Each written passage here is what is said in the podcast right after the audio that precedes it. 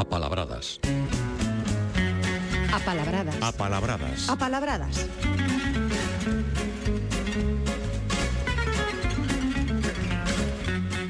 Primeiras apalabradas para este mes de marzo e xa co horizonte da primavera. Moi bons días, Paulino Novo. Que tal, bons días. Como a realidade social, como que irá que a realidade social en liñas xerais eh, é un poquinho fea, eh, estou pensando en Ucraína, sí, pois moito sí, mellor as sí. palabras que as pistolas. Sí, debera ser, debera ser. Seguramente solucionaban mellor e antes as palabras que, que, que as armas, sí. sí. Pois imos coas armas, pero das palabras porque hai unha dúbida, Paulino, que creo que comparto con moita xente. Cunha palabra, ou con dúas, quizáis, eficaz e eficiente. Son o mesmo, porque parece que deberan ter un só significado, non? Pero empregámolas as dúas e moitas veces incluso xuntas. Xuntas, sí, sí, sí, sí. En principio, nos dicionarios tenden a igualar exacta, eh, eficaz e eficiente. Xa non soa que a raíz, a, a proveniencia é a mesma, non?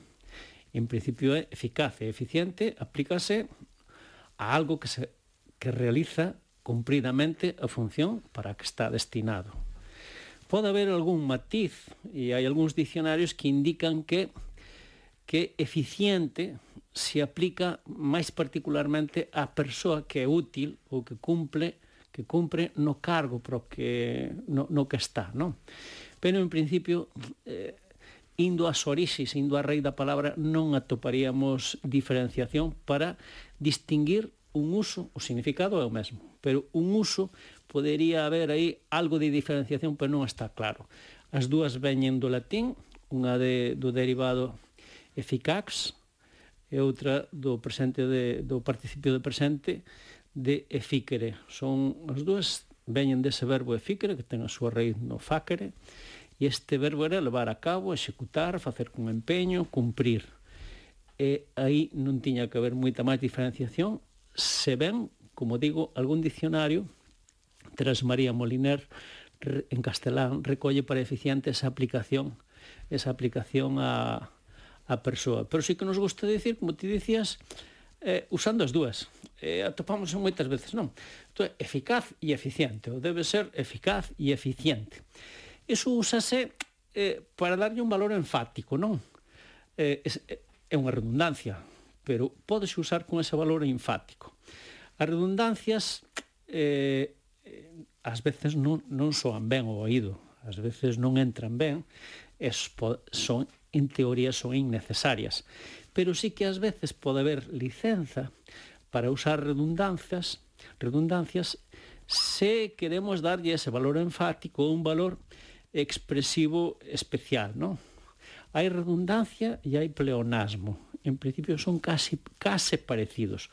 Son figuras que consisten en empregar palabras innecesarias, buscando expresividade, incluso buscando ironía, buscando algo de graza ás veces tamén, non?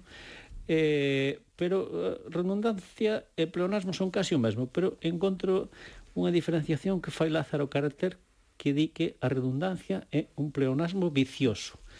Non está mal, non está mal o, o detalle de, de Lázaro Carreter. Como dis, hai redundancias que poden ter licenzas se acaso están xustificadas por unha intención expresiva, pero hai moitas outras que se poden evitar e que incluso soan mal. E aquí, como decimos sempre, habendo tantas palabras bonitas, para que imos sí. traer a primeiro plano claro, as claro, máis feas? Entón, claro, iso que dis é curioso. A veces poden valer todas as redundancias, eh, o que trouxen agora para ilustrar, o mellor nos aburrimos ou o mellor nos rimos. Eh, algunhas redundancias que non inventei, eh? todas todas as lin. Eh, hai algunhas que, que efectivamente que soan moi forzadas, pero hai outras que podemos adiviñar ou intuir que efectivamente levan nun contexto determinado que te, poden ter unha intención que a xustifique. Non? Eh, vou enumerar traio aquí unha boa lista. Habano cubano.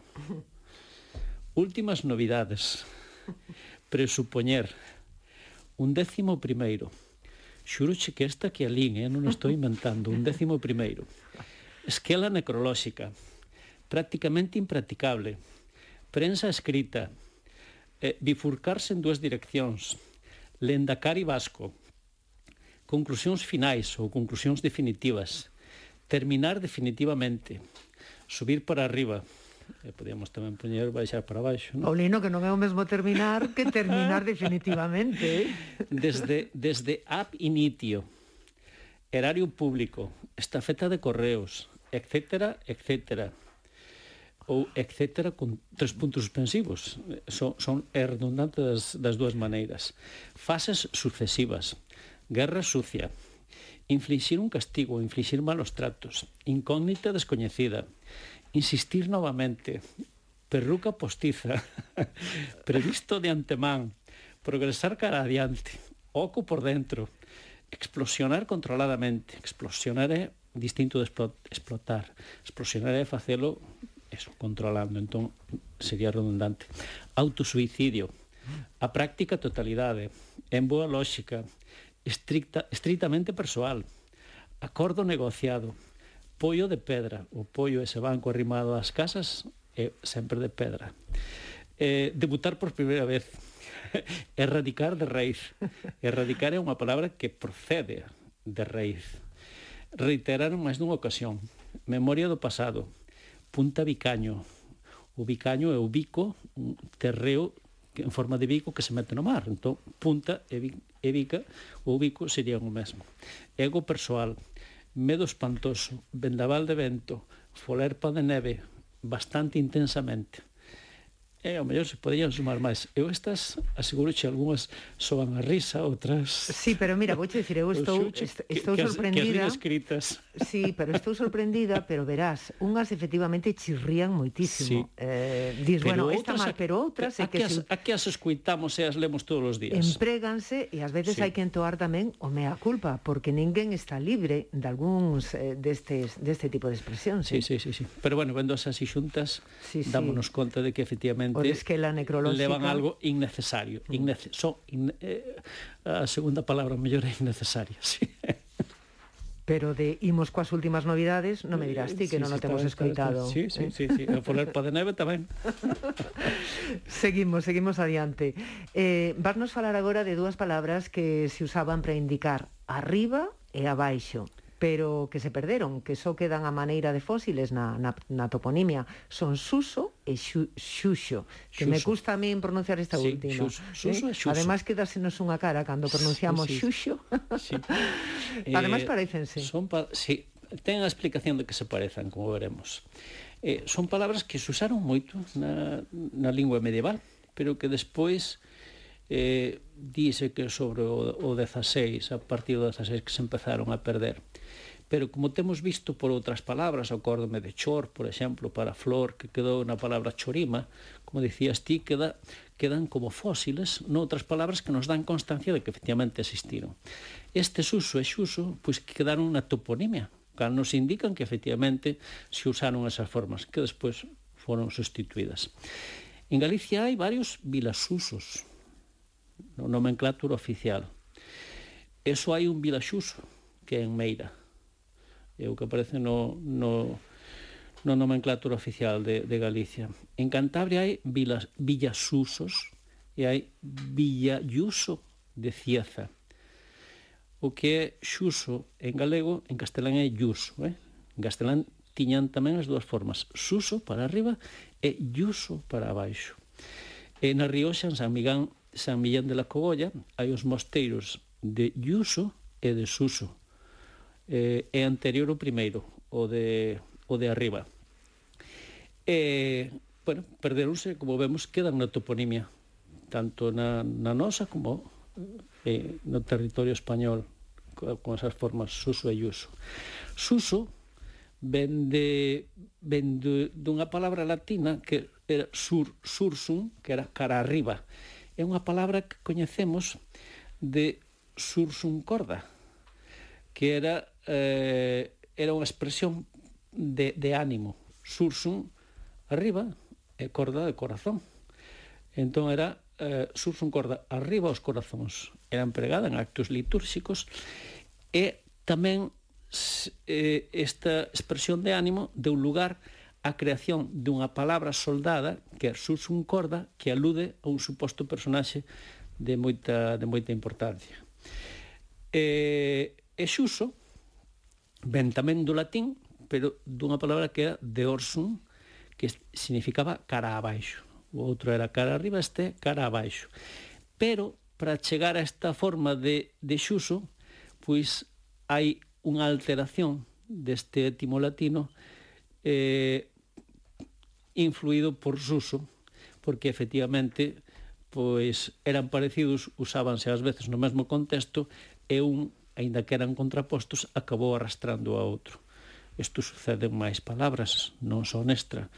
Por exemplo, en castelán, eh, eh, a palabra siniestro, a palabra que debera resultar en castelán sería sinestro, non siniestro. E é siniestro porque vai con diestro. Eh?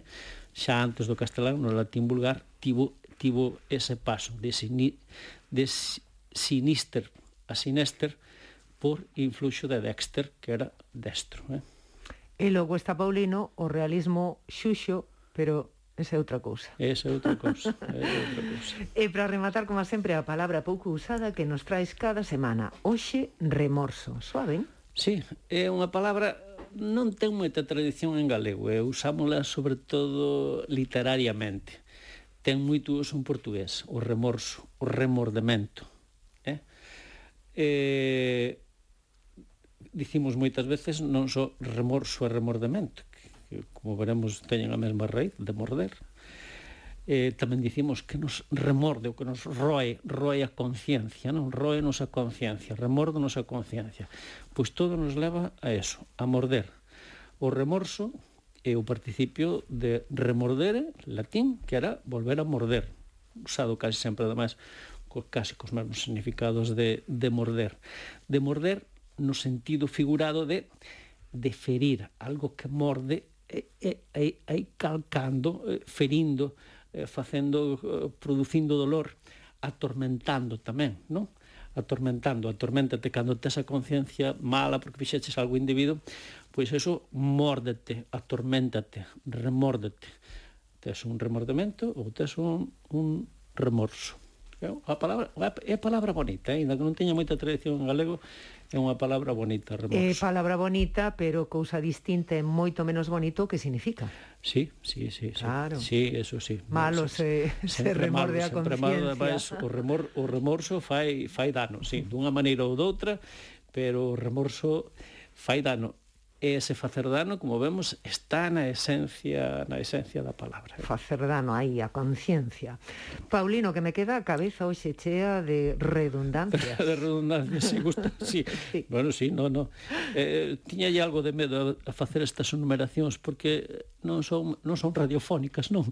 Pero bueno, como había algunhas divertidas, bueno, pues, a, a, animan a enumeración que efectivamente non é así moito moito para a radio, pero había algunhas, algunhas divertidas. Eh? Bueno, a min gustaronme moito e eh, creo que a nosa audiencia estará totalmente de acordo. Como sí. que nos quen decide se é para a radio ou non é para a ah, radio? As, as veces, as veces dubídalo, non, se isto funcionará na radio tal, pero bueno, sí, como había algunhas así curiosas, pero efectivamente o que chama a atención é o que dicías ti, que hai algunhas que nos resultan moi familiares porque as usamos nos ou as, ou as Usámonos ou as mal, pero usamos as oímos. Sí, claro. sí, sí. Pois pues para a semana, sí. se che parece, mm, virás con novidades, non coas últimas. novidades novas. Grazas, Paulino Novo, un placer como sempre, xa sabes que desfrutes do sábado. Igualmente.